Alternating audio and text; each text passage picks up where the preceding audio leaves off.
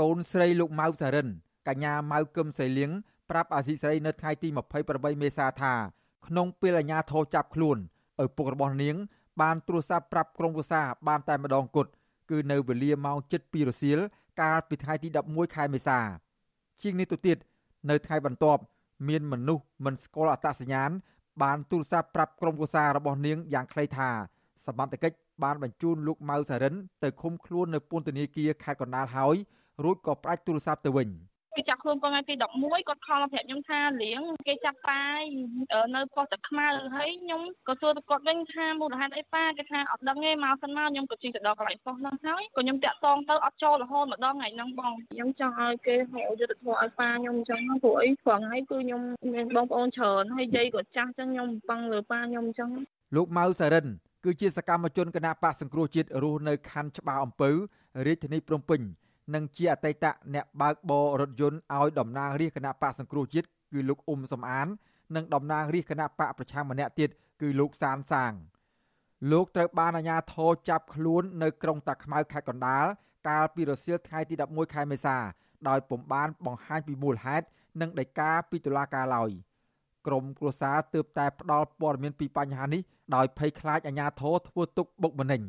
ប្រពន្ធសកម្មជនគណៈបកប្រឆាំងរូបនេះគឺលោកស្រីយ៉ាន់ផានីព្រួយបារម្ភអំពីសវត្ថភាពប្តីយ៉ាងខ្លាំងព្រោះតាំងពីអាញាធរចាប់ខ្លួនប្តីរបស់ខ្លួនមក លោកស្រីពុំទាន់ទទួលបានដំណឹងអ្វីតតែសោះលោកស្រីថាអាញាធរគួរតែផ្ដល់ព័ត៌មានច្បាស់លាស់អំពីមូលហេតុនៃការចាប់ខ្លួនដោយមិនគួរលាក់បាំងយ៉ាងដូចនេះឡើយ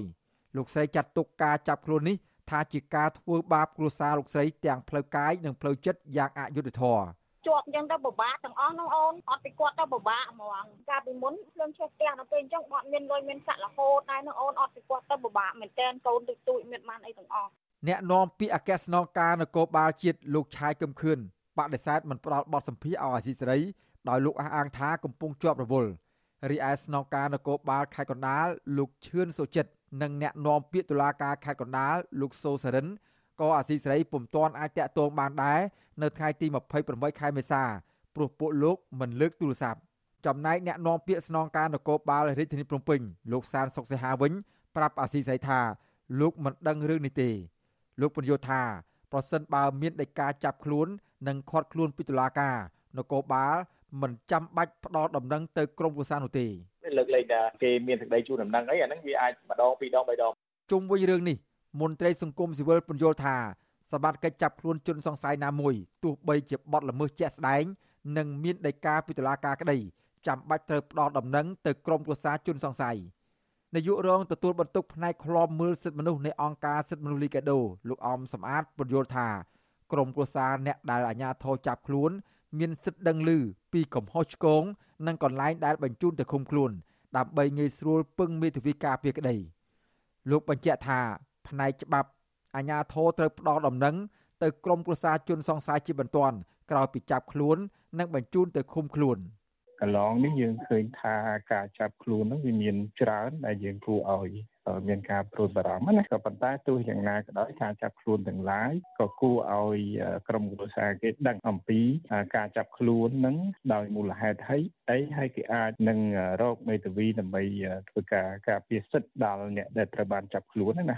ជុំវិញរឿងនេះ តំណាងរាជគណៈបកសង្គ្រោះជាតិលោកអ៊ុំសំអានចាត់ទុកការចាប់ខ្លួនសកម្មជនគណៈបកប្រឆាំងរូបនេះថាជាការគម្រាមកំហែងនិងបំបាក់ស្មារតីមិនឲ្យចូលរួមសកម្មភាពនយោបាយជាមួយនឹងគណៈបកសង្គ្រោះជាតិលោកថាសកម្មជនគណៈបកប្រឆាំងរូបនេះតែងតែតវ៉ាទាមទារឲ្យរដ្ឋាភិបាលដោះលែងអ្នកទោសមនសិការដែលកំពុងជាប់ឃុំនៅក្នុងពន្ធនាគារយ៉ាងអយុត្តិធម៌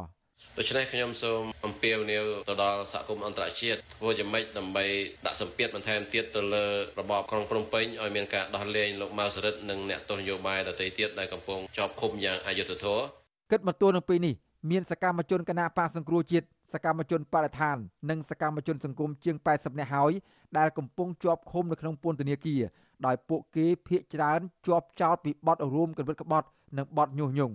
សកម្មជនគណបកប្រឆាំងមួយចំនួនត្រូវបានអាជ្ញាធររបបក្រុងភ្នំពេញចាប់ខ្លួនដាក់ក្នុងពន្ធនាគារជាង1ឆ្នាំមកហើយប៉ុន្តែតុលាការមិនទាន់រកកំហុសពួកគេឃើញបែបណានៅឡើយទេគណៈសហគមន៍ជាតិនិងអន្តរជាតិចាត់ទុកករណីទាំងនេះថាជារឿងនយោបាយនិងជាការចាប់ខ្លួនពលរដ្ឋតាមទំនើងចិត្តខ្ញុំបាទសេកបណ្ឌិត អាស៊ីសេរីពីរដ្ឋធានី Washington